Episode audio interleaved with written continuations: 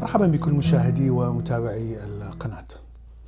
اليوم نتكلم عن موضوع الخجل وكيف تتطور هذه الصفة وهل هي وراثية أو تأتي من المحيط وما هي الفائدة التي تأتي بها هذه الصفة وكيف تتحول هذه الصفة إذا ما زادت عن حدها إلى مرض نفسي. وتعريف الخجل هو الشيء الذي يمنع الشخص من أن يرتكب أي مغالطة حسب القوانين الاجتماعية. بمعنى إذا خرجت إلى الشارع لابسا ثياب داخلية فقط مثلا فهذا سيسبب لك شعور بالخجل. وهذا الشعور هو ليس فقط شيء نفسي لكنه يظهر بشكل فيزيائي على الجسم ضغط الدم يرتفع مثلا الوجه يمتلئ بالحمرة من الدم قد يزيد من نبضات القلب وقد يزيد التعرق. إذا هناك حالة فيزيائية تتغير في الجسم نتيجة لهذا الشعور وهو أيضا نتيجة لأننا نفعل شيئا تابو في المجتمع شيئا محرم اجتماعيا. إذا هذه الصفة تطورت مع تطور الحياة الاجتماعية للإنسان منذ مليونين سنة لأنهم في خلال هذه المدة الطويلة زادت التعاملات الاجتماعية القوانين الاجتماعية اللغة تعقيدا. ولهذا كلما تزيد طبعا تعقيدات العلاقات الاجتماعية بين أفراد العشيرة أو أفراد المجموعة الصغيرة تزيد القوانين ومن ذلك يصبح هناك سبب لوجود صفة الخجل. لكن لماذا هي مفيدة؟ هناك دراسة أعطت شيء من الدليل على أن الإنسان الذي يظهر هذه علامات الخجل التي تكون بشكل واضح في الوجه وفي الجسم يكون مقبول أكثر من المجتمع، بمعنى أن المجتمع سوف يسامح هذا الخطأ الذي ارتكبه هذا الشخص. لكن إذا إذا الشخص لم يبدي هذه المظاهر الفيزيائية التي ذكرناها من من شعور الخجل فالمجتمع ينظر إليه وكأنه إنسان وقح لا يخجل ولا يشعر بهذا الخجل فالمجتمع ينظر إليه نظرة إما احتقار أو كره أو ربما يطرد من من هذا المجتمع.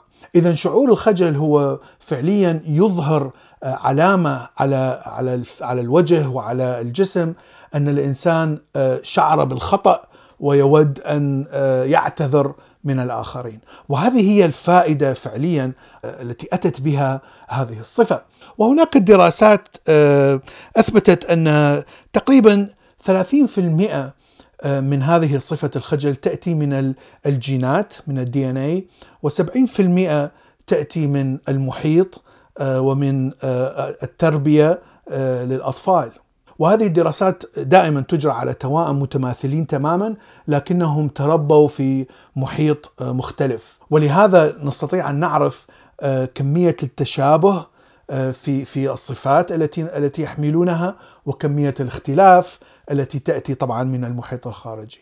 وهنا فإن صفة الخجل ليست شيء مرضي خاصة أن الإنسان الذي يتفاعل مع المجتمع ويعيش ولديه علاقات اجتماعية لابد أن يشعر بالخجل في لحظة معينة عندما يخالف هذه الأعراف. الخجل يتحول إلى مرض إذا كان الإنسان يحاول أن يتفاعل مع المجتمع لكنه يشعر بخوف وقلق شديد فيما إذا ارتكب خطأ في البروتوكول أو الطريقة التي يتكلم فيها. فهنا تحول الخجل إلى مرض نفسي وما يسمى بالقلق الاجتماعي، وهذا يعتبر مرض نفسي شديد لأنه فعليا يشل الحياة الاجتماعية للفرد أو للمريض. الصفة الأخرى التي نراها في المجتمع هي الصفة الانطوائية. وهذه تختلف عن الخجل وحتى تختلف عن الخجل عندما يتحول إلى مرض.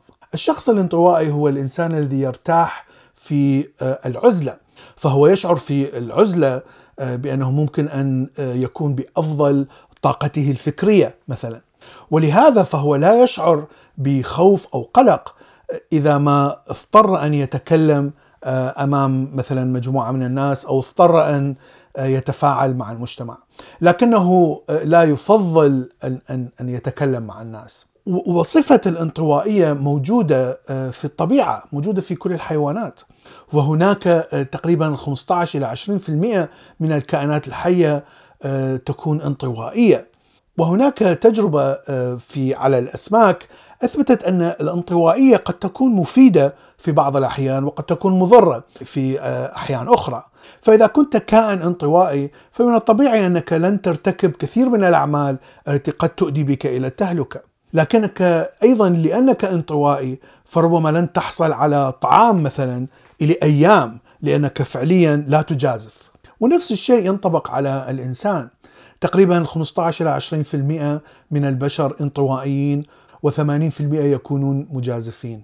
وهناك دراسات كثيرة على الأطفال آه، الذين يحملون ألصفتين. الأطفال الذين يكونون آه، انطوائيين حذرين خجولين أكثر آه، تلاحظ أنهم يفكرون بشكل أعمق ويحللون كثير من العلامات والإشارات التي تأتيهم من المجتمع.